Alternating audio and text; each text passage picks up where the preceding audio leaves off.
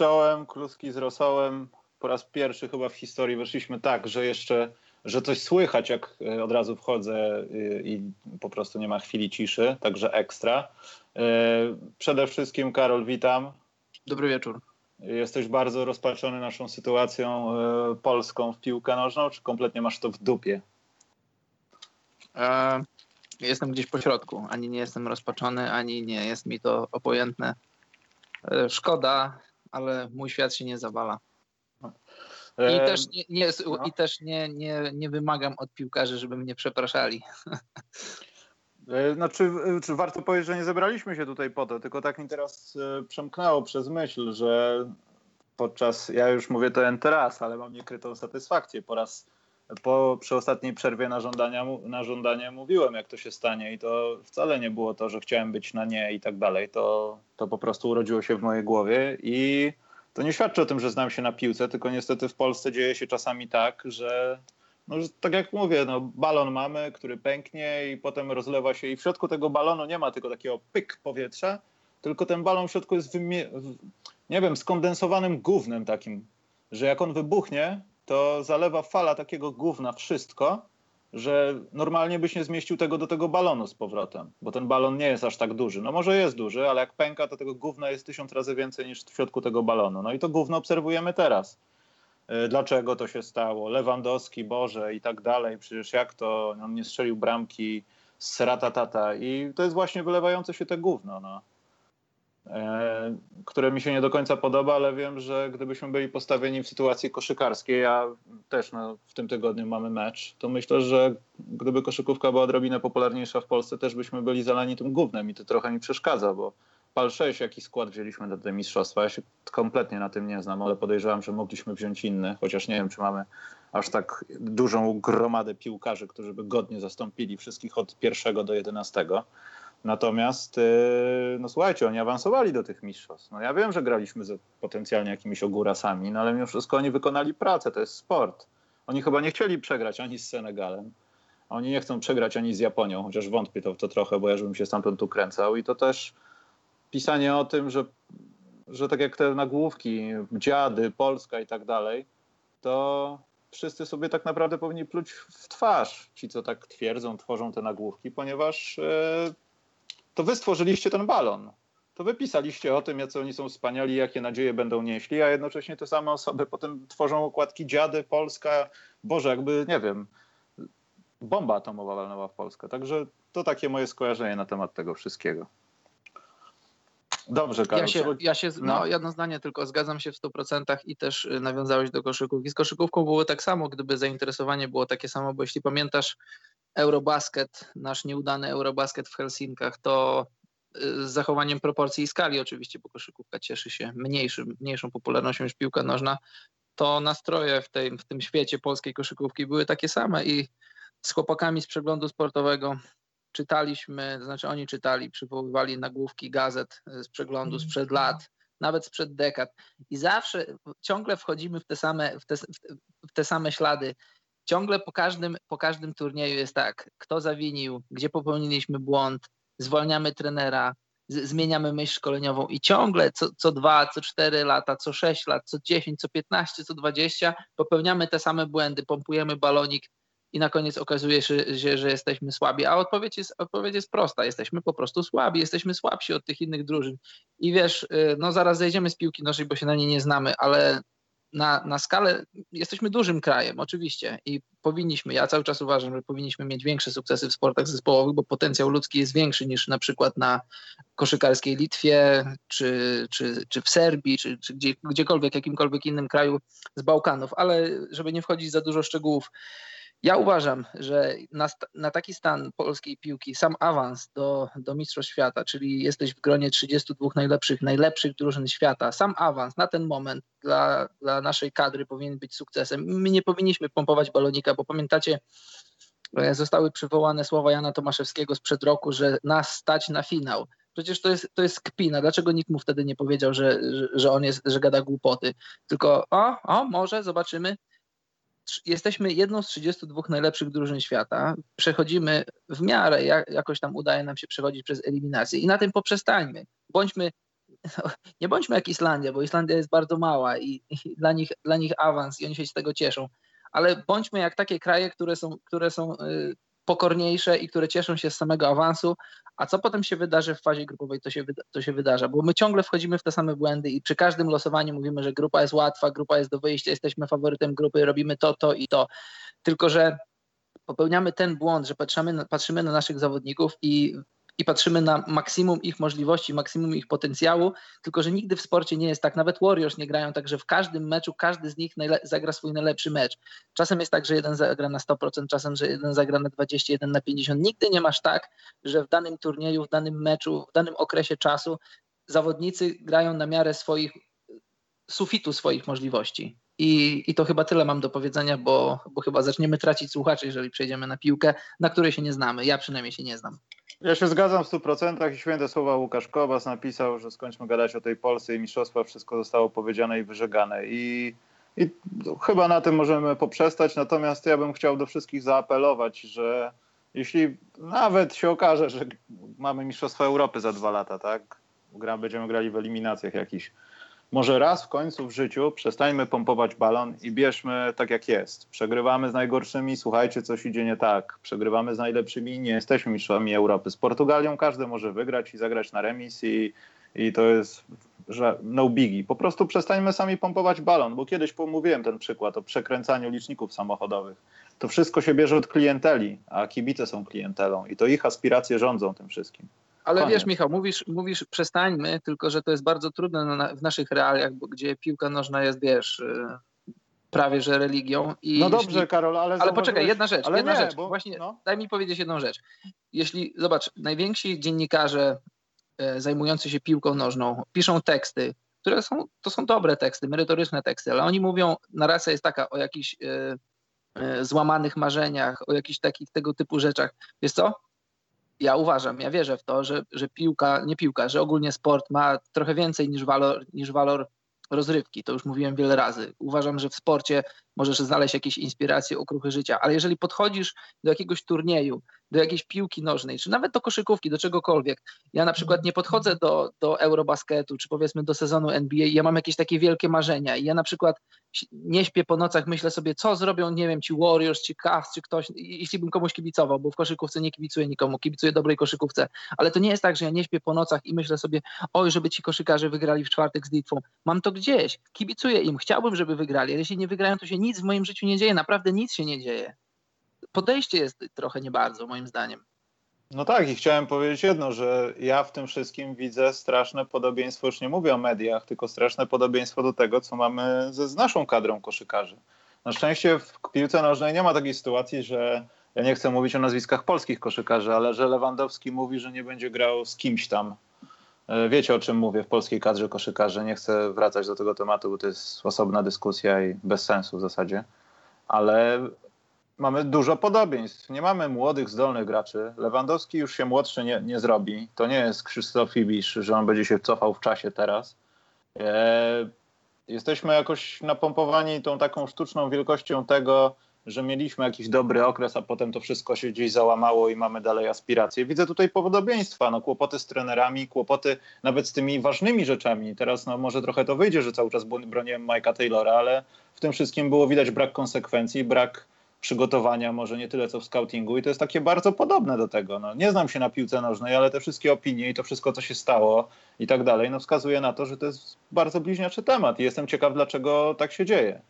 No ale dobra, koniec, koniec tej piłki nożnej. Pogadajmy o tym, co się działo dziś w nocy, czyli nagrodach NBA. Yy, najpierw pogadajmy może, Karol, bo ty nie widziałeś tego na żywo, ja widziałem ukradkiem w łóżku yy, to wszystko. Na początku było dosyć żenująco i cała ta feta w ogóle, mówię o całej tej imprezie, no była gorsza niż przed rokiem. Takie jakieś suche żarty prowadzącego i tak dalej. E, dopiero tak naprawdę przestało być sucho, kiedy wyszedł Dwayne Casey e, i powiedział kilka mądrych rzeczy. Bo nawet to, że Rudy Gobert nie wiadomo, czy chciał się popłakać, czy zwymiotować, bo musiał wyjść na scenę, jakoś do mnie nie przemówiło.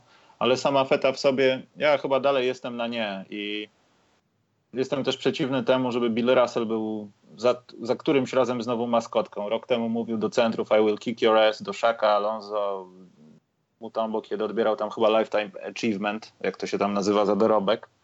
E, ale przypominał mi taką maskotkę. Znowu coś się stało. Ten screen, który widzieliście z tym palcem, no to żart, ale znowu coś się stało. Znowu był tam Bill Russell i znowu trzeba było wykorzystać Wiktora Oladipo, bo świetnie śpiewa. To ja już nie mogę. Ja wiem, że Oladipo świetnie śpiewa i nawet jak się jest mężczyzną, to dałoby się zgwałcić głosem Oladipo, ale mimo wszystko, dlaczego za każdym razem, gdzie jest Oladipo, trzeba, a może stare coś zaśpiewaj to mi tak przypomina jakieś tam programy, wiecie, jak Koło Fortuny czy coś takiego, że prowadzący nagle zaczyna śpiewać, bo przypadkowo jest piosenkarzem, oprócz tego, że jest prowadzącym.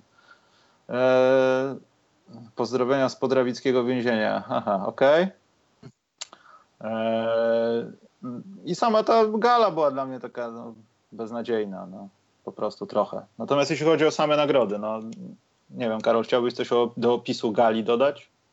E, co do samej gali, to e, zastanawiam się, dlaczego NBA, Adam Silver i zakładam, że też zawodnicy, dlaczego mają ambicje i marzenia, nie wiem, czy są, to są ich marzenia, ale mają ambicje do tego, żeby rozdanie nagród NBA było czymś na kształt Oscarowej gali. Pamiętasz jeszcze nie tak dawno temu, ja uważam, nawet pisałem o tym dzisiaj, że dla mnie było dużo uroku w tym, że zawodnik dostał, dowiadywał się o tym na przykład przed treningiem, po treningu i odbierał gdzieś tam nagrodę razem ze swoim trenerem, gdzieś tam na prędce przygotowanej konferencji, takiej mini konferencji prasowej. I to było takie fajne, bo on, to było takie fajne, naturalne, dużo takiej, takiej naturalności, prawdy w tym było. On odbiera nagrodę, cieszy się i to było zazwyczaj na początku playoffów, więc żyliśmy już playoffami, ale jeszcze w pamięci mieliśmy na świeżo cały sezon. I to było takie fajne, bo wiesz, yy, śledziłeś już playoffy, ale jeszcze, jeszcze pamiętałeś, co działo się w sezonie.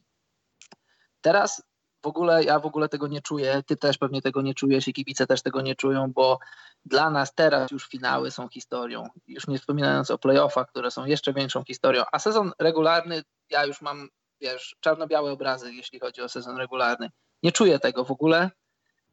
I e, raczej już mnie to nie, nie, nie grzeje mnie aż tak bardzo, kto wygrał, bo rozmawialiśmy o tym już wiele razy, mieliśmy swoje typy, mieliśmy swoje przemyślenia na ten temat. A teraz widzisz, ok, Harden został MVP, a ok, no to fajnie, ten został kimś tam, ok, Gobert został obrońcą, no to fajnie, ale nie do końca mi to pasuje. I tak jak mówisz, zgadzam się z tobą w 100%, w ogóle cała konwencja tej gali, te takie suche żarty, te, te, to robienie z tego czegoś, czym moim zdaniem NBA nie powinna być. I czy na koniec, tym... przepraszam, na koniec był no. to, właśnie mi teraz przyszło do głowy, na koniec był ten żart, ja wiem, to, to jest śmieszne, ale e, wiesz, no Harden odebrał nagrodę, przyszła jego matka, on tam mówi, że się nie wzruszy, bla, bla, bla, mama i dziękuję i tak dalej, pewnie i tak się wzruszył pod tymi czarnymi, ciemnymi okularami.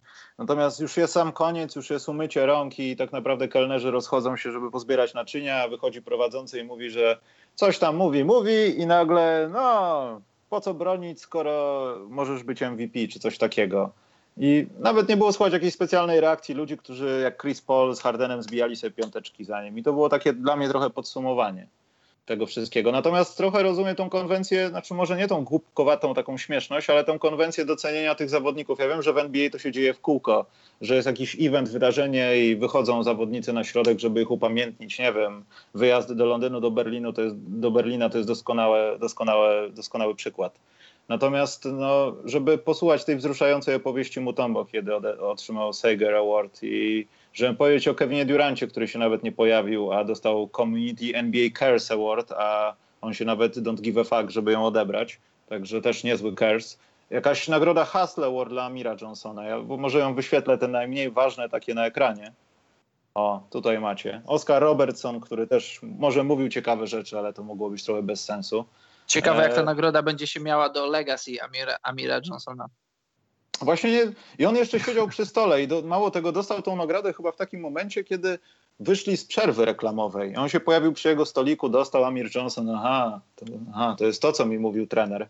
I to było takie no, dosyć czerstwe. No. Poza tym tak, te nagrody... Kieliszek no. wody przechylał. Tak, tak. I to tak było dziwnie, wiesz, taki upychacz. Y, ta nagroda no. dla Jamala Crawforda.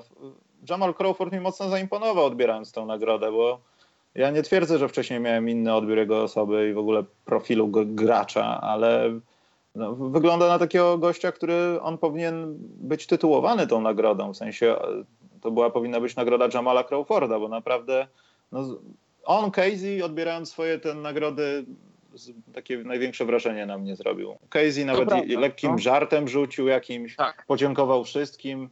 E, może denerwuje mnie taki jego strasznie wyraźny i wolny sposób mówienia, kiedy nie jest w grze, ale mimo On tak wszystko to szeroko, było... jak, jak, jak mówi, tak charakterystycznie szeroko otwiera usta, no nie? Tak, tak, jakby nie wiem, ktoś miał kogoś niesłyszącego i ktoś musiał, wiesz, yy, czytać z ruchu ust. Tak. Natomiast, yy, no naprawdę, no, nie, nie, słyszałem dużo wypowiedzi Kejzeja, wiesz, konferencje prasowe, ale tutaj naprawdę no, nie tyle, co mi zaimponował, co naprawdę podobało mi się jego podejście, bo chyba oni wszyscy zdawali sobie sprawę, że ta gala jest właśnie taka meh, taka eh.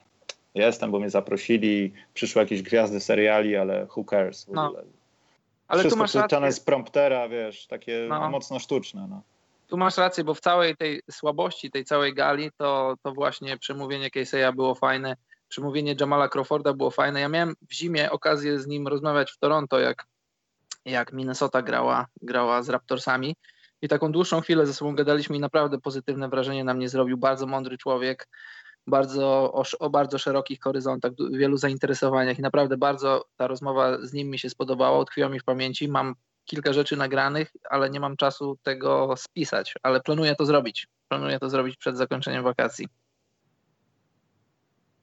Dobrze, przejdźmy teraz do tych prawdziwych nagród. Mam nadzieję, że widzieliście te zastępcze na ekranie. Ja teraz wrzucę, poczekajcie, kopiowanko. Wrzucam teraz to, co nas, to, to, to Karol powiedział, powinno nas interesować tu i teraz, nawet kiedy byłoby rozstrzygnięte, to powinniśmy nawet nie wiedzieć o tym, tylko o tak, kto to dostanie, kto to dostanie. No i tak, no, Rookie of the Year Ben Simmons, także tutaj rozmawialiśmy o tym już z Karolem, nie, zgadzam, nie zgadzamy się z tym, no ale mimo wszystko, no, No i tak nie. Nie, ja dalej obstaję przy tym, że jeśli spędziłeś rok jako kontuzjowany, trudno. Bad luck. Ludzie nie zdobywają tytułów, wpadają pod tiry, a nie tłumaczą się, że jednak mogłem cofnąć się do tyłu. Nie, nie. To jest zero-jedynkowość życia. No. Albo jesteś króliczkiem, albo tygrysem i bierz króliczki. Koniec. To w tym No ja- momencie Arvidas Ja się zgadzam, tak, płacze. zgadzam się, ale nie do końca się zgadzam, bo wiesz, już też mówiliśmy to może z pięć razy, ale to jest, to, to, to doświadczenie, jakie zdobył Simons, jest nieocenione, to jest prawda. Możliwość treningu z, z drużyną, możliwość bycia w tych wszystkich halach, możliwość zasmakowania tego życia NBA i też możliwość wydawania pierwszych swoich NBA pieniędzy, bo mimo, że nie grał, to już pieniądze spływały na jego konto. To jest prawda, to jest nieoceniona, to jest nieoceniona przewaga Simonsa, którą może wykorzystał, może nie, ale grał, przede wszystkim grał, grał świetnie. I straciłem połączenie, nie wiem dlaczego. No nie wiem, też miałem tu kuleczki. Pamiętasz, co mówiłeś? A na czym mnie przerwało? Przerwało cię na tak i nie, chyba z tego, co pamiętam. Aha, no jestem, jestem na tak i nie, bo muszę powtórzyć to, co powiedziałem, a nie na czym Skończyłeś na i. na i, a powiedziałem coś wcześniej? Nie wiem, bazuje na czacie. Aha, okej, no to jestem na tak i nie, ponieważ y, to, co wszystko powiedziałeś, to się z tym zgadzam i to mówiliśmy kilka razy w kilku podcastach poprzednich. Y, Ben Simmons miał możliwość przez cały rok trenowania ze swoją drużyną, y, zdobycia tego tak zwanego know-how NBA, był w tych wszystkich halach, zasmakował tego życia w NBA, y, spływały już prawdziwe pieniądze z NBA, z tytułu kontraktu NBA na jego konto, mimo że nie grał. I owszem, to, prawda, zgadzam się, to jest, to jest nieoceniona to jest nieoceniona przewaga Simonsa, ale ostatecznie na koniec dnia musiał wyjść na parkiet, zagrać i zrobił to świetnie. I mówiłem to wiele razy, gdyby wygrał Mitchell, to szkoda było mi, mi Simonsa. Wygrał Simons, szkoda mi Mitchella i uważam, tak jak to pisałem wcześniej, kiedy przyznawałem swoje nagrody za ten sezon, za ten sezon regularny, byłoby fajnie, gdyby liga dała wyróżnienie im dwóm. Bo ostatni raz taka sytuacja zdarzyła się w roku 2000, kiedy Elton Brand i Steve Francis wygrali. I moim zdaniem nie byłoby nic złego w tym, żeby po prawie dwóch dekadach, żeby raz na dwie dekady taka sytuacja się zdarzała, bo co by nie powiedzieć, to Ben Simmons i Donovan Mitchell mimo wszystko trochę górowali nad resztą debiutantów, bo y, mamy teraz w pamięci obraz J, J, Jasona Tatuma, y, grającego świetną koszykówkę w, w playoffach, który z, zagrał Game 7 z LeBronem w finałach konferencji wschodu. Ale za, samą, za same rozgrywki regularne to jednak Simmons i Mitchell trochę górowali, może nie trochę, dużo górowali nad całą resztą debiutantów, więc moim zdaniem nie byłoby niczym złym, gdyby im dwóm dali tę nagrodę. Ale oczywiście powiedziawszy to wszystko, ja nie, nie miałbym nic, gdyby wygrał Mitchell, wygrał Simons, szkoda mi Mitchell, y, wygrał Simons, szkoda mi Mitchell, naprawdę mi go szkoda, ale gdyby byłoby odwrotnie, szkoda by mi było tego, który przegrał, więc y, no ja tak uważam. No Wiktor Oladipo to no-brainer, to chyba nie mamy o czym rozmawiać. No tak. Nie. E, w żadnej kategorii, jeśli chodzi o to, czy mógłby, czy nie mógłby dostać tą nagrodę. Poza tym, że dużo śpiewał na tej gali, no to, to nie mamy mu nic do zarzucenia. E, Rudy Gobert, no okej, okay, kupuje to po części, aczkolwiek nie pamiętam, Horford był finalistą? Chyba był, nie? Finalistą czego? Na tej nagrody, bo było ich trzech. Od no musiał być, skoro wygrał. Horford?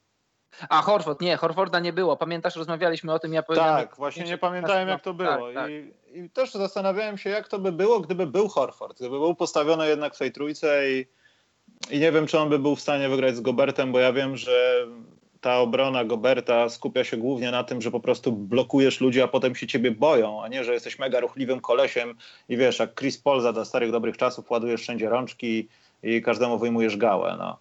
No. E, I tak się zastanawiałem, ale no chyba też bym, gdybym głosował, to chyba też bym, chyba też bym nie przyznawał się może za głośno Horfordowi, ale wrzucił do tego, do, tego, do tej urny z Gobertem.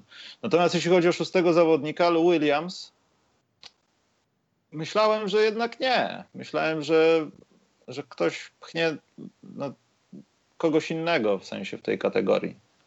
Wiem, że Louis Williams jest flashy, ale czy Louis Williams był flashy tak od A do Z w tym sezonie?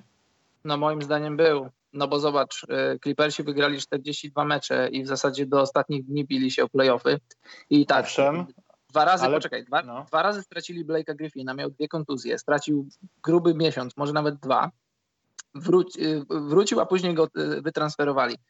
Mimo wszystko, mimo tych wszystkich perturbacji, mimo kontuzji Galinariego, mimo kontuzji Teodosicza, to, to Clippersi do ostatniego meczu praktycznie, no może nie do ostatniego, ale do ostatniego tygodnia, do ostatnich kilku meczów bili się o playoffy i bardzo wielka w tym zasługa Lou Williamsa, który miał średnią 22,6 punktu na mecz i był chyba nie pamiętam, nie chcę strzelać, 13, 15 strzelcem ogólnie w skali całej ligi. I dla mnie, dla mnie to wiesz, tak zwany no-brainer. Dla mnie Lou Williams był szóstym najlepszym rezerwowym.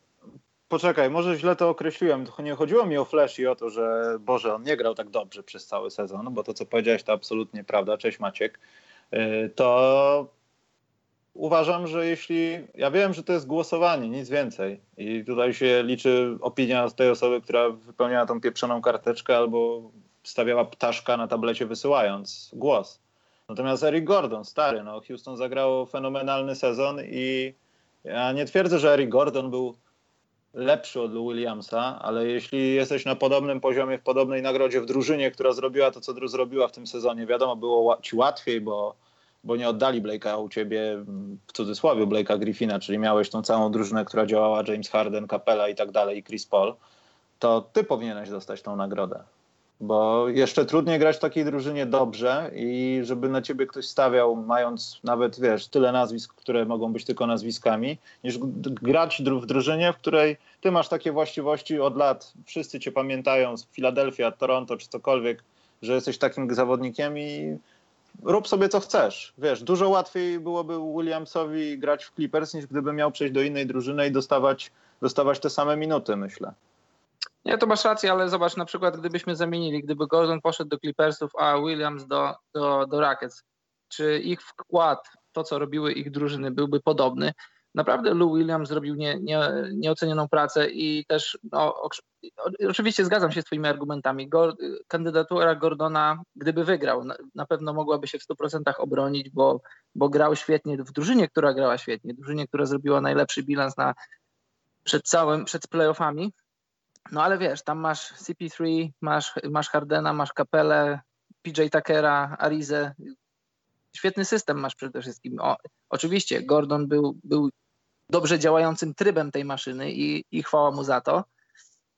No ale przynajmniej jak dla mnie, kandydatura Lou Williamsa nie tylko była flashy, on był naprawdę skuteczny. On, on robił punkty, ale robił też wynik. I, i można powiedzieć w przekroju całego sezonu, że trzymał Clippersów prawie że do samego końca w walce o playoffy, bo Clippersi chcieli wejść do playoffów. To prawda.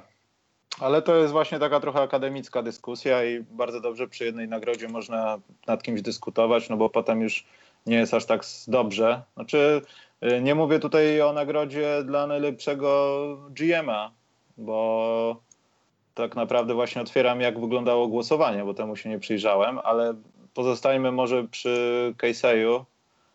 Y, no tutaj chyba nie ma żadnej dyskusji, aczkolwiek to też mogła być trudna nagroda do rozstrzygnięcia. W sensie tych trzech wszystkich trenerów mogłoby ją równie dobrze dostać.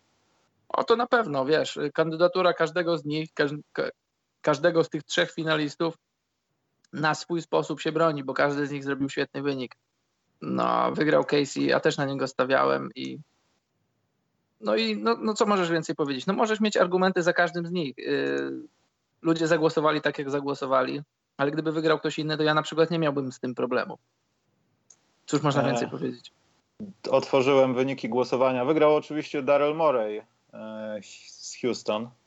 E, dostał 11 głosów na pierwsze miejsce, 4 na drugie i 1 na trzecie. I w zasadzie miał przewagi 14 punktów nad drugim, a był nim Dennis Lindsay z Utah i Kevin Pritchard z Indiany zajął trzecie miejsce. Żeby było ciekawiej, sam Presti dostał 4 punkty w tej nagrodzie. Ktoś na niego głosował na drugie i na trzecie miejsce. Brian Colangelo dostał po trzy głosy. Trzy głosy dostał na pierwsze, drugie i trzecie miejsce i dziewięć punktów. Także tyle jeśli chodzi o wyniki głosowania. Nie mamy nazwisk, ale chyba głosowali między sobą albo też władze po prostu. A, Gar Forman, przepraszam, dostał sześć punktów. Dwa głosy na drugie miejsce. Ludzie niepełnosprawni chyba tam głosowali. No, widzisz, no właśnie i widzisz, to, to jest kpina, bo, o tych, bo, bo wcześniej mówiliśmy o trenerach, ale o tych GM-ach Ko, przepraszam, Kobi Altman dostał tyle samo punktów, co Bob Meyers. Nie, Bob Meyers ma jeden punkt więcej od samego Pres, sam, sama Prestiego i Kobiego Altmana. No widzisz, i teraz pytanie, jakie kryteria ludzie przyjęli że, przy ocenianiu y, GM-ów, bo jeżeli Colangelo dostaje głosy, za co? Powiedz mi, za co on dostaje głosy i chciałbym usłyszeć od ludzi, którzy głosowali na niego, żeby powiedzieli mi argumenty, które stały za tym, że głosowali na Colangelo. Oddał, oddał pik w którym wybrał Fulca, a Celtics wybrali Tatuma. I to pewnie pokłosiem tego wszystkiego było, że założył sobie pięć y, fikcyjnych kont na, na Twitterze i później bronił wszystkich swoich decyzji. Jakie były jeszcze decyzje w trakcie tego sezonu, przed rozpoczęciem tego sezonu, które mogłyby skłonić ludzi do głosowania na Colangelo? No powiedz mi, bo ja, bo ja ich nie widzę. Nie mam bladego pojęcia, ale wiem no na właśnie. pewno, że te głosy były oddawane przed tą całą aferą. No może żona Colangelo głosowała. No w ogóle może tam w Filadelfii, tak jak wcześniej mówiłem, jest jakiś yy, klub kobiet po prostu. Tutaj matka Bridgesa już planowała, bo szefowa HR, ale nie doszło do wyboru, bo poszedł trade, tu coś. Za dużo tych kobiet w Filadelfii. Tam coś się dzieje. Bez urazy dla kobiet, ale te kobiety powodują tam problemy jakieś naj, najwyraźniej. No bo Colangelo dalej się nie wyjaśnił z tego w stu procentach, kto miał jego telefon i te konta. Bo on powiedział, że to nie on. On powiedział, że to jego żona i żona się przyznała. No tak, ale, raczej, no. ale od żony nie masz, były tam jakieś wypowiedzi, ale nie masz takiego, wiesz, wywiadu. Tak, zrobiłam to, ponieważ. Jasne, że nie masz, bo to wiesz, no to przecież wiadomo, że wiadomo, że to robił on, a żona go tylko broniła. Y, ostatecznie i tak stracił pracę, ale no, czy widzisz go w najbliższych powiedzmy 3-4 latach, że dostaje podobne stanowisko w, w jakimś klubie NBA? Bo ja tego nie widzę. Moim zdaniem to była rzecz, która już zamknęła mu drzwi bezpowrotnie do NBA. Po rozwodzie. po rozwodzie. Nie, wiesz, żona, była, żona tutaj była tylko pionkiem w tej grze. Ja jestem na 90% przekonany, że, że to nie była żona. Żona po prostu tylko wzięła to na siebie, żeby go wybielić, ale to się nie udało. Bo wiesz, te, te, jeśli analizowałeś te fikcyjne konta, byli dziennikarze amerykańscy, którzy to zrobili, to, to jeżeli jeżeli przychodzi Brian Colangelo do domu i mówi, a słuchaj, dzisiaj na treningu Joel Embiid zrobił to, to i to, no to okej, okay, ona idzie do, do swoich fikcyjnych kont na Twitterze i pisze te rzeczy, tylko że ona nie pisała rzeczy, które, które teoretycznie mógł jej mówić Brian Colangelo, bo nawet pamiętasz w tym oświadczeniu, które Brian Colangelo złożył, to było tam napisane, że ona nie tylko tweetowała to, co on powiedział, ale też przekręcała fakty. Rozumiesz, o co chodzi? Tak, tak, tak. Z jakiegoś powodu przekręcała fakty. Przecież to jest kpina, to się nie trzyma kupy. Dokładnie, zgadzam się z tym i no ale mimo wszystko, no popatrzyłem na te wyniki głosowania, muszę się dokładniej przyjrzeć, nie wiem, na NBA Media Central może będzie lepsze opracowanie z nazwiskami, to może dziennikarze głosowali, ja nie wiem. Tego się akurat nie doczytałem. Dobrze, no i co? No i zostaje nam MVP. James Harden, myślę, że tutaj chyba nie powinno być jakiejkolwiek dyskusji. Eee, bo no, dlaczego miałaby być z drugiej strony? LeBron James, sezon regularny LeBrona Jamesa, ok, wszystko jest kozacko, ale tutaj akurat w tej nagrodzie przede wszystkim brano pod uwagę jako tam, no nie wiem, nie chcę powiedzieć 50% tej nagrody, ale 30% tej nagrody, co się, dzieje, co się stało po sesji regularnej z tym zespołem. W sensie jako zespołem. Bilans, pozycja, miejsce, tak dalej. No, no tak, LeBron zagrał świetny sezon, być może najlepszy w swojej karierze, ale zabrakło po prostu zwycięstw. No, no to, to wiesz, no Harden był najlepszy. Albo inaczej, przepraszam, no, konkurencja, konkurencja więcej wygrywała niż LeBron. I to też, no tak. wiesz, on po prostu nie mógł dogonić świata sam. No, bo... Gdyby, gdyby Cavs wygrali wschód, gdyby mieli powiedzmy trzeci najlepszy bilans w NBA, to, no to jego kandydatura byłaby bardzo silna. Na pewno ostro by powalczył z Hardenem. Ale case Hardena był taki, że on w ostatnich latach y, przegrywał przez te narracje, te różne narracje dziennikarzy amerykańskich, bo byli zawodnicy, różni zawodnicy przewinęli się przez, przez to wszystko, łącznie ze Stephem Karem i łącznie z tym, z tym sezonem Russella Westbrooka wiesz, tym takim, no wiesz, wszyscy pamiętają z tym zraniony Westbrook po odejściu KD i to, to też była, to też mówiłem parę razy, dla mnie to była wielka kpina NBA, ale już nie wracajmy do tego, no i należało mu się, trochę, za ten sezon jak najbardziej mu się należało, a też trochę za całokształt tych ostatnich trzech powiedzmy lat. Poczekaj, Marata Tomek, ja nie miałem wtedy na myśli ludzi niepełnosprawnych w sensie, wiesz, puzek, bo to wcale nic nie oznacza. Mówię bardziej o tych umysłowo takich. To możesz być zdrowy jak Arnold Schwarzenegger, a twój mózg może po prostu być w stanie wegetatywnym i to tak naprawdę jest niepełnosprawność. Po prostu. E, co ja chciałem powiedzieć? Nie, nie wiem, już chyba nic nie możemy powiedzieć o nagrodach, słuchajcie, bo to i tak wszystko wiadomo było od miesiąca i mogliśmy się w większości tego spodziewać, ale dalej dla mnie Lou Williams coś nie pasuje. Fajnie, że dostał nagrodę, ale coś nie pasuje do tego wszystkiego. E, nie wiem, czy za rok będziemy to oglądać tak samo. Ja będę chyba unikał. Mam nadzieję, że liga dojdzie do tego, że a, nie wszystkie rzeczy, które proponujemy, wychodzą tak fajnie, na przykład jak mecz gwiazd. E, tylko te nagrody są do dupy. E, po no fajnie, jakby, jakby, doszli, do jakby Adam, Adam Silver ma historię dobrych usprawnień, jeśli chodzi o decyzje, decyzje związane z, z wyglądem ligi, z działaniem ligi. I może ktoś mu podpowie, że, że ta gala na swój sposób może jest fajna, może jest atrakcyjna, tylko że to jest takie chłodne już wszystko, bo Ci którzy, ci, którzy zajmowali się tym, między innymi my, omówiliśmy to już na wszystkie strony, omówiliśmy nasz, naszych kandydatów, omówiliśmy później, kiedy już pojawili się oficjalnie finaliści, co o tym sądzimy. No a teraz to już jest, to już jest odgrzewany kotlet. Możemy 10 razy powtarzać to, co mówiliśmy wcześniej. Przede wszystkim to już nie, nie wiąże ze sobą żadnych emocji. Ja już na przykład nie mam żadnych emocji w związku z tym sezonem, nawet i z dyskusją o MVP. Naprawdę, to już jest tylko takie spięcie klamrą czegoś czegoś, co już wydarzyło się dawno. Fajnie by było, jakby to się dało zrobić, chociaż wątpię, żeby to się dało zrobić logistycznie po zakończeniu rundy zasadniczej przed rozpoczęciem playoffów w tym sezonie. W związku z tym, że rozgrywki zaczęły się tydzień wcześniej, to były drużyny miały tam, nie wiem, 8 dni przed, między ostatnim meczem sezonu regularnego a pierwszym meczem playoffów. Może gdzieś w środku tego, w tym okienku to zrobić, ale raczej wątpię, bo te drużyny, które już odpadły z playoffów, no to, no to one mają to gdzieś. Te drużyny, które grają w playoffach, no to chcą odpoczywać i przygotowywać się na swoich rywali, więc ciężko mi to sobie wyobrazić, jak Silver mógłby to zrobić. Ja najchętniej chciałbym wrócić do tej formuły, która była przed tą galą. Zawodnicy dowiadywali się w szatniach, gdzieś tam kameralnie, prywatnie, po treningach, przed treningami, w stroju swojego klubu razem ze swoim trenerem na jakiejś tam malutkiej mini konferencji dziękowali informacja szła w świat, można było o niej dyskutować, przy okazji śledzić już pierwsze rundy playoffów. Co było w tym złego? To prawda.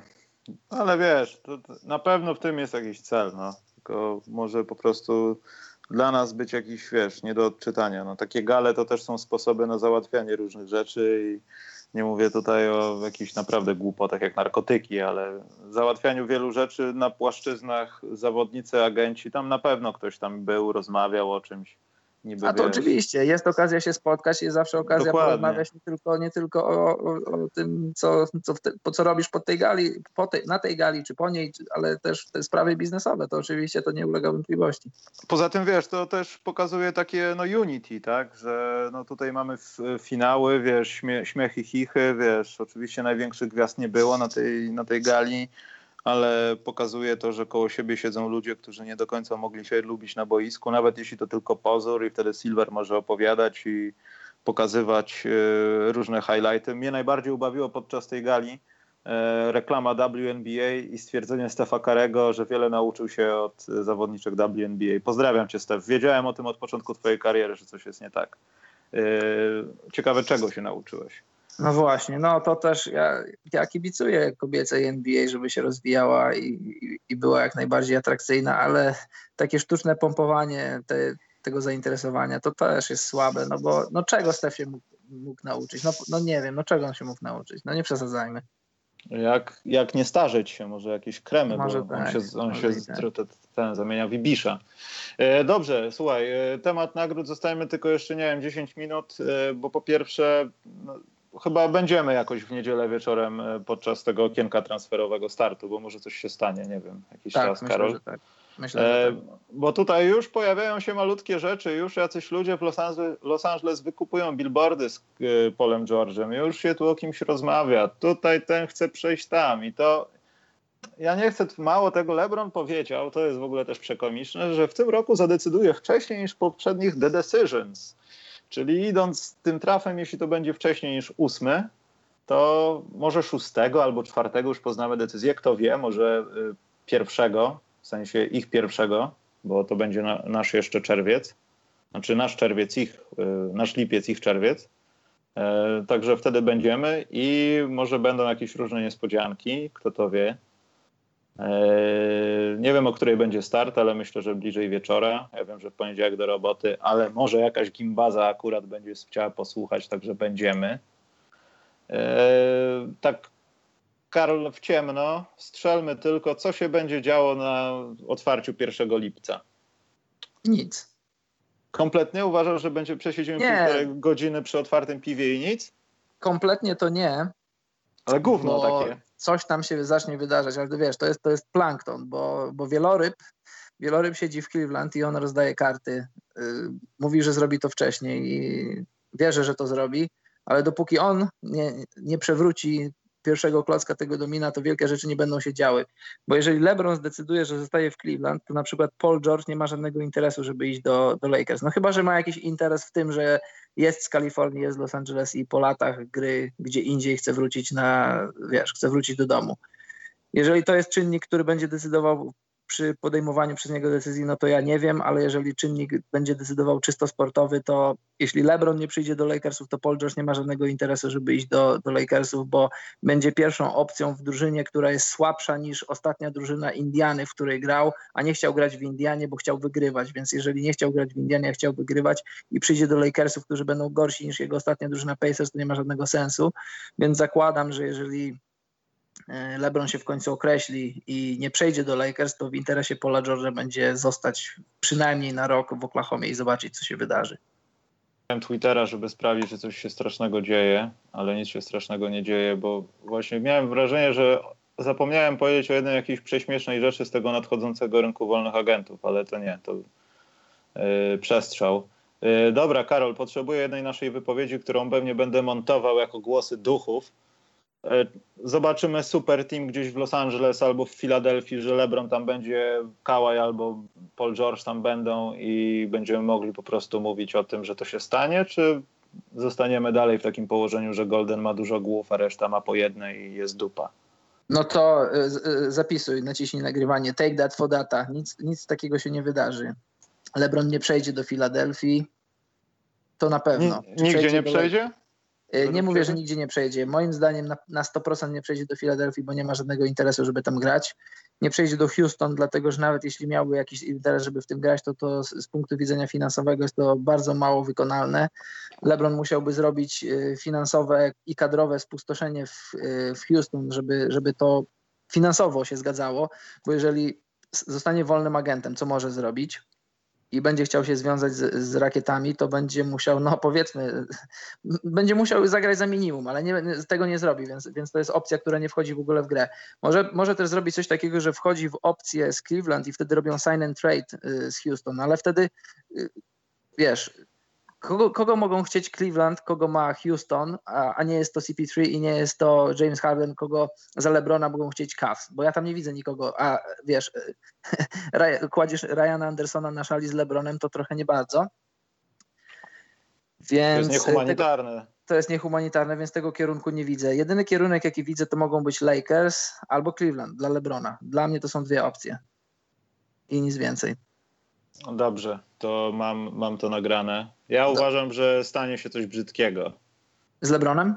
Eee, może nie, nie brzydkiego w charakterze, że LeBron wybierze naprawdę jakieś w ogóle wyjście z dupy, nie wiem, wejście w Golden State w ogóle, no bo e, też warto powiedzieć o tym, to się okazało dosyć niedawno, ale tutaj nie ma żadnego popłochu, że Kevin Durant y, opt-out zrobił, ale to może oznaczać tylko, żeby tak, Dogada, to dogadać się z Golden. Finansowe tylko. Dokładnie, żeby sprawdzić, to, żeby jak będzie wyglądało to, żebym ja nie zabierał całej kasy. Myślę, że to będzie kolejne jakieś tam poświęcenie lekkie, bądź też bardziej, bardziej poświęcenie takie, no nie wiem, no nie lekkie, jeśli chodzi o finansowe. Może to nie będzie Draymond Green, ale coś tam na pewno poleci w dół. Natomiast yy, uważam, że stanie się coś takiego na wschodzie, że LeBron nawet dojdzie do jakiejś drużyny, może Kawhi zmieni konferencję i oni przynajmniej we dwóch mogą być razem, jeśli nie Paul George z LeBronem. Ja wiem, że to wtedy nie ma sensu, ale to się może stać. I możemy być świadkiem czegoś takiego, co LeBron przechodził w Miami, że ten pierwszy skok Neo z Matrixa się po prostu nie udaje i trzeba mieć na tyle uporu, żeby w drugim podejściu po prostu przeskoczyć tą przerwę między blokami i tyle. E, Tylko, że wiesz, no. pamiętać musimy, że Kawhi LeBron jest panem swojego losu, on może zrobić wszystko teoretycznie, tylko że Kawhi Może zakończyć nie. karierę, wiesz. Na przykład. może przyjechać do Polski i grać w starcie Lublin. O. A Ka Kawhi nie jest tutaj panem swojego losu. Jest cały czas pod kontraktem Spurs, a Spurs mogą mu nie chcieć iść na rękę i mogą go nie chcieć sprzedać do, do Lakersów czy, czy do jakiegoś klubu z zachodu, z którym będą musieli się cztery razy spotkać w sezonie. A jeżeli tam są nadszarpnięte stosunki, których się nie da naprawić, jeżeli obie strony są na siebie obrażone w jakiś sposób, to dlaczego Kałajowi klub ma iść na rękę? To jest jedna sprawa. Druga sprawa jest taka, taka, wiesz, taka czysto międzyludzka. Kto rozmawia w imieniu Kałaja? Czy to jest jego wujek, czy to jest jego agent, czy to jest sam Kałaj? Bo wyobrażasz sobie sytuację, że Kałaj przychodzi, siedzi w pokoju RC Buford, siedzi, siedzi Greg Popowicz i oni rozmawiają, ok, Kałaj, chcesz odejść? To nakreślmy, możemy, czy możemy nakreślić scenariusze, w których będziesz zadowolony i w których my coś za ciebie dostaniemy. Ja tego nie widzę, nie widzę tego na płaszczyźnie takiej, takiej, takiej zwykłej rozmowy. Ja uważam, że mam nadzieję, że nikogo nie obrażam, że Kałaj nie jest na tyle inteligentny, żeby, żeby sam siebie mógł reprezentować i dyskutować o różnych scenariuszach odejścia. Więc ja tego nie widzę bo tam musiałoby się dużo różnych czynników wydarzyć i on musiał być, by, musiałby być w stałym kontakcie z LeBronem. Nie tylko Kawhi, ale też San Antonio. I teraz dlaczego San Antonio miałoby iść na rękę i Kawajowi, i LeBronowi, żeby oni zagra, zagrali razem, ale nie w San Antonio. Jeżeli LeBron ma jakiś interes, żeby grać w San Antonio, to jedynie na tej płaszczyźnie, ale to wtedy, to wtedy Popowicz musiał być, musiałby przekonać Lebrona, żeby przyjechał do San Antonio, ale jednocześnie też musiałby pogodzić się z Kałajem, z którym klub ma nadszarpnięte, nadszarpnięte relacje, więc ja nie wiem, nie widzę tego. Tak, masz rację. No, zgadzam się w tym 100% i jedyną rzecz, jaką mogę powiedzieć, to ubawił mnie Melo, który po prostu pokazał ludziom, jak zrobić to, że mam wszystko w dupie i biorę jeszcze od was pieniądze i wy nic nie możecie mi zrobić. Ej, to jest super. Właśnie chciałem o. To jest przepiękna sprawa. To jest świetna sprawa, bo wiesz co? Bo Melo, tak jak każdy, czyta internet, czyta komentarze, gdzie wszyscy mu jadą, bo Melo zagrał słaby sezon. Oczywiście, że zagrał słaby sezon, ale ktoś podpisał z nim kontrakt, ktoś dał mu opcję i Oklahoma wiedziała, na co się pisze, wiedziała, że to jest opcja bardzo lukratywna, bardzo tłusta i to są pieniądze, których Melo w żadnym scenariuszu nie dostałby, nawet, nawet nie wiem, może nawet połowy tego nie dostałby na wolnym rynku. I Melo w związku z zapisami w kontrakcie, które uprawniały go do tego, on się zdecydował na te pieniądze, nie zrezygnował z nich i dostanie 28 milionów dolarów z najbliższy sezon. I ja na jego miejscu robiłbym to samo. Wrzucałbym na Instagram zdjęcia, gdzie siedzę sobie na ulicy, a kelner nalewa mi wino i pozdrawiam hejterów. środkowym palcem. Jak tak, i mogę teraz wpaść do Polski i znowu promować napój Ego, który, tak. którego w ogóle nie było w sklepach. Słusznie Rafał Tymiński zauważył na Pucharze Polski, że no to mogły być jedyne egzemplarze do picia, jakie otrzymaliśmy na tej konferencji. Aczkolwiek e, stałem tak blisko Melo i on nie jest wcale taki duży. Dobre Serio. było to picie? Co to za picie było? No to był, wiesz co, jakiś... E, w ogóle właściciel tej firmy jakoś dziwnie wyglądał, bo to wyglądało jak jakieś, nie wiem, pranie pieniędzy czy coś takiego, a tak naprawdę do tego wszystkiego doszło, e, że jeden z, e, może nie będę mówił nazwiska, ale jedna z osób, która pracuje w, chyba w agencji jakiejś eventowej, no tak połączyła to wszystko, że kiedy pojawiła się sposobność, no to urządziła takie spotkanie w Polsce i zaprosiła dziennikarzy. No, jeśli Marek Cegliński, pan Marek Cegliński był tam i praktycznie no, został pobity przez ochroniarzy, bo starał się pokazać jakieś zdjęcia z książki młodego Larego Brauna i tłumaczył to też po polsku na tym zdjęciu Melo, który nie wiedział w ogóle nic, co do niego pan Marek mówi. Ochroniarze też nie wiedzieli, czy mają go zabić, czy to on jest nieszkodliwy. A to byli ochroniarze Melo, Amerykanie. Tak, tak, tak. Bo to wyglądała sytuacja tak, że chyba Sobczyński był tłumaczem, jak gdyby konferencjerem tej konferencji prasowej.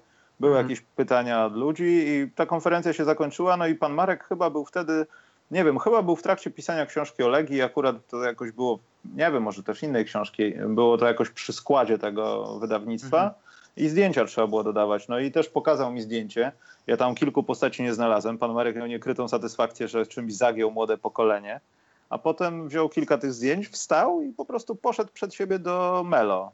A tam był jeden taki dosyć potężny ochroniarz, że nie myślisz o tym, jeśli nie masz broni maszynowej. I to też zastanawiasz się mocno, w co strzelać, żeby padł od razu. Wiesz, no tak. tego typu człowiek.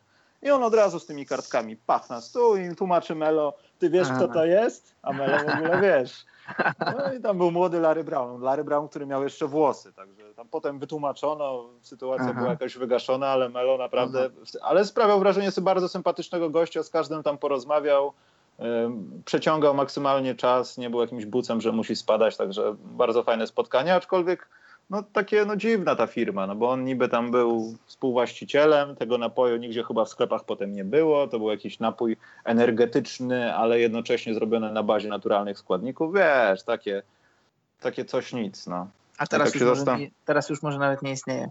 Nie wiem, może gdzieś istnieje, tylko nie wiem, jest lokalnie gdzieś sprzedawany, no ale ja w ogóle nie, nie, nie natrafiłem nie natrafiłem nigdzie, a były reklamy jakieś kręcone w Warszawie w ogóle, masakra. A propos, taka... pana, a propos no. pana Marka, to na Eurobaskecie 2015, ale pan Marek mówi bardzo dobrze po francusku, y, z Borysem Białem też pokazywał mu fragmenty swojej książki i Borysowi bardzo się podobało.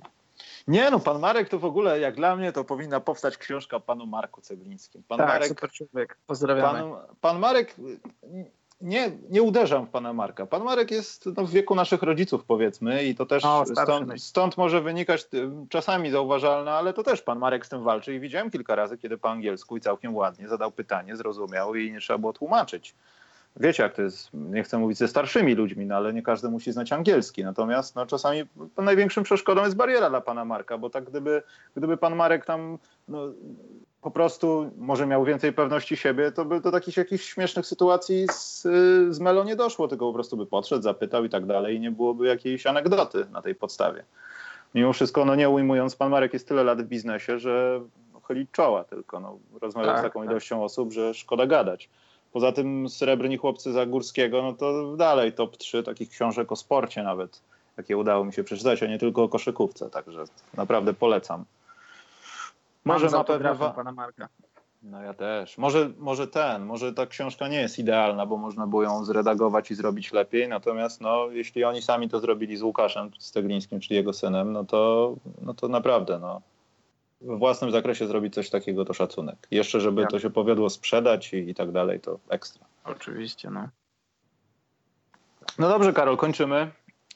Yy, słuchajcie, a jedna informacja, teraz na czacie wkleję taki link od jakiegoś czasu bawię się, znaczy bawię się, testuję wody różnych transmisji e, i to też o tym, o czym będziemy z Karolem na dniach rozmawiać, czyli o tym całym patronajcie i tak dalej i tych wszystkich historiach, bo to jest dosyć istotne, żeby wcześniej ruszyć, a nie zastanawiać się na jakim etapie jesteśmy we wrześniu. Poza tym e, też ta kwestia tych donate'ów, to niech ta gimbaza sra do wiader, nie musimy tego używać. Aczkolwiek myślę, że to też może zostać na jakieś głupoty, nie wiem. Na pewno się przydarzy coś, że będziemy coś na kogoś gdzieś zbierać kiedyś. Myślę, że jak osiągniemy taki poziom, nie wiem, początku sezonu. Nie na siebie, ale ty, mało jest takich historii właśnie z tymi piesełami, co Kosmo nie, no jasne, tak. Kosmo Wiesz, nie ma co się na siłę tam mocować, jak się nie ma kasy, ale z drugiej strony raz na jakiś czas wypadałoby coś zrobić dla ludzi, a nie tylko hajs zabierać, Karol. Ja nie wiem, jak wy tam w Skandynawii żyjecie, ale wszystko już zaczyna mi się dodawać. Masz już burkę? Jeszcze nie. Jeszcze no nie. co, w Skandynawii no jest, jest wspólne dobro. Płacisz podatki, z których masz wszystko za darmo. Dzieci mają no. w szkole podręczniki, obiady i różne rzeczy. Opiekuńcze państwo tutoriale, jak robić zamachy. No ale e, pozostając w temacie poważnym, to tutaj ten link, który wkleiłem, to jest link do takich transmisji, które się bawię, które, no ja wiem, słowo paywall brzmi jak zwymiotować komuś na świeżo podanego schabowego, ale myślę, że dzięki temu ten serwis będzie mógł pokazywać różne rzeczy. Będziemy mogli, ja nie twierdzę, że chcę piracić, ale będziemy mogli pokazać po prostu jakiś highlight zawodnika, o którym mówimy i nie zakończy się to jakimś banem czy czymś tam na YouTubie albo jakąś inną głupotą. Bo, bo tak naprawdę to jest bardzo potrzebne. Poza tym YouTube zaczyna zmierzać do takiego kierunku, gdzie żeby jak najbardziej ograniczyć zasięgi tych rzeczy, które może i są popularne w jakimś tam targecie, ale nie są main targetem YouTube'a, czyli no nie chcę przeklinać, głównym czasami, często. Jeśli chodzi o Polskę, no to bardzo często mało jest dobrych treści na YouTubie polskich. Ja nie mówię dla dorosłych ludzi, ale dla ludzi, którzy mają zamiast mózgu mózg, a nie żelki. No. Po prostu. I też myślę, że to jest dobry moment, żeby sprawdzić coś gdzieś indziej. Dlatego słuchajcie, tam są takie emisje testowe i to polega na tym, że wy tam wchodzicie. Ja musiałem ustalić jakąś kwotę, żeby ten system zadziałał. Tam jest dla jaj wpisane 666 euro, jakaś inna głupota. Wchodzicie, logujecie się i e, jest taki kupon, jak gdyby, że wpisujecie, to chyba jest for free, tam gdzieś na Facebooku znajdziecie wchodzicie i ta transmisja trwa i tam często pokazuje, nie wiem, ostatnio Ryszard Łabądź był z panem e, Szaranowiczem, komentowali jakiś mecz od e, Kamila Timoszuka z YouTube'a i sprawdzam, ile transferu to zżera, bo myślę, że raz na jakiś czas możemy tam coś zrobić, tak żeby były te wszystkie treści, za które no, YouTube no, zabija. No. W sensie to już nie chodzi o kradzież całego draftu, żeby pokazać w NBA, ale żeby chociaż pokazać, nie wiem, najważniejsze momenty E, zagrania, albo też nie wiem, raz na jakiś czas jakiś podkład muzyczny, który po prostu jest podkładem gdzieś tam i, ktoś na tym po prostu będzie też korzystał. Dlatego sprawdzajcie to. E, Twitch widzisz, Łukasz, ja rozpatrywałem Twitch, ale Twitch mi się źle kojarzy. Kojarzy mi się z ludźmi, którzy grają na komputerach i tam, tam faktycznie jest system subskrypcji dosyć prosty, że jest ustalona kwota, subskrybujesz i oglądasz. No ale mimo wszystko, wiesz, E, ktoś, kto nas nie zna, zobaczy, że jesteśmy na Twitchu i tak też pomyśli, a nie wchodzę na to, nie, tutaj będą zaraz grać na komputerach. Teraz coś, Karol, teraz jest jakaś popularna gra komputerowa, taka bez sensu, że biega się, strzela się i tam nie ma żadnych w ogóle skomplikowanych rzeczy, tylko lutujesz do ludzi i zabudowujesz się jakimiś deskami. Nie wiem, jak no, to się nazywa. jest wśród, wśród Ci goście z NBA grali, tak, jak coś. O, o, stary, wszyscy w to tną. Jeśli upadniemy już tak nisko, to będziemy grali w Fortnite'a, trudno. Mam nadzieję, że do tego nie dojdzie. nie upadniemy tak nisko. Nie, ale poważnie, sprawdzajcie, bo y, to, to tam to też przede to już wolałbym, to już wolałbym Wiedźmina grać i żebyście to oglądali. No nie, a jest Wiedźmin Multi? Ja nie lubię tych Wiedźminów i tych innych Hobbitów. Denerwują mnie takie gry, poza Heroesami. Możemy Super, Heroesów zagrać podczas Wiedźmin jakiegoś to jest najlepsza, tego. prawdopodobnie najlepsza gra, w jaką grałem. A grałeś w Heroesów? E, ale dawno, dawno. No, to możemy zagrać w tym, w, cyklu Gorące Pośladki, czyli Hot Seat w Heroesach, że grasz w trzech czy tam czterech, to da się zorganizować. Ale ja dawno nie grałem, ja muszę potrenować. E, dobra, nie, poważnie. Kończąc, e, słuchajcie, sprawdzajcie ten link, bo ten, to nie chodzi też o to, że o Jezu, tu trzeba sprawdzić system opłat, ale chodzi o to, że jeśli my będziemy płacić jakiemuś serwisowi za tego typu usługi, to nie chcemy, żeby to się skończyło tak, że jeśli 50 osób zapłaci nawet złotówkę, żeby oglądać to przez dwie godziny, to w połowie to się skończy, bo nam transfer się urwie. Dlatego teraz prowadzę próby i też będę wiedział, ile to będzie kosztowało, bo wszedłem w ten, to też dla Karola informacja, wszedłem w świat streamingu takiego on demand, że wynajmujecie firmę i bawicie się transmisją i koszty są tego takie, że ja rozumiem, dlaczego wszyscy zaczynają na YouTubie, bo nie tyle to jest najprościej, co jest, co jest drogo. Ja najtańszą firmę, jaką znalazłem z tych takich bardzo, bardzo nieprofesjonalnych, tylko takich semi-prop nazwijmy to, które da, świadczą tego typu usługi, z jeszcze z ograniczeniem transferu od 150 dolarów miesięcznie pod warunkiem, że zgodzisz się na ściągnięcie roczne z konta. Czyli pobierają tysiaka w dolarach ponad za to, że no, możesz bawić się jak na YouTubie. I to też w dosyć ograniczonej tej, no, w transferze, w czasie i w osobach. To nie są tanie rozrywki. To nie są tanie rozrywki, ale ten serwis oferuje to dosyć tanio i po prostu w najgorszym wypadku dopłaca się za zużyty transfer i tego nie zamyka. Tylko, że inaczej się to organizuje, bo jest, jest jakaś nakładka do tego programu OBS, która jest tylko do używania tam i tak dalej. Dlatego jak będę pisał o tym na Facebooku, to wbijcie i jak cokolwiek się będzie złego działo, to też piszcie, bo to jest ważne. No. To jest dosyć ważne, że, bo, chyba tam się zaczepimy, no, szczerze mówiąc. No dobra, słuchajcie, to do niedzieli. Kończymy z Karolem. Nie ze sobą, ale kończymy. W niedzielę myślę, że będziemy w okolicach godziny 22, bo wcześniej nie ma sensu. No chyba, że coś się zmieni, ale to też będziemy wam dawać znać. Dobra, słuchajcie, to do niedzieli, dzięki za dzisiaj. Trzymajcie się czołem, ale no Wysław masz pecha. Przyszedłeś, a idziemy. No, dobranoc mili ludzie. Ha, Karol zawsze tak samo kończysz, ja to chyba gdzieś Tak, zapętlę. muszę, muszę właśnie, postanowiłem sobie, że to będzie moje, mój go-to move, jeśli chodzi o pożegnanie. Signature move, dobrze. Tak. Trzymajcie dobranoc, się. mili ludzie. Dobranoc, mili ludzie. Czołem.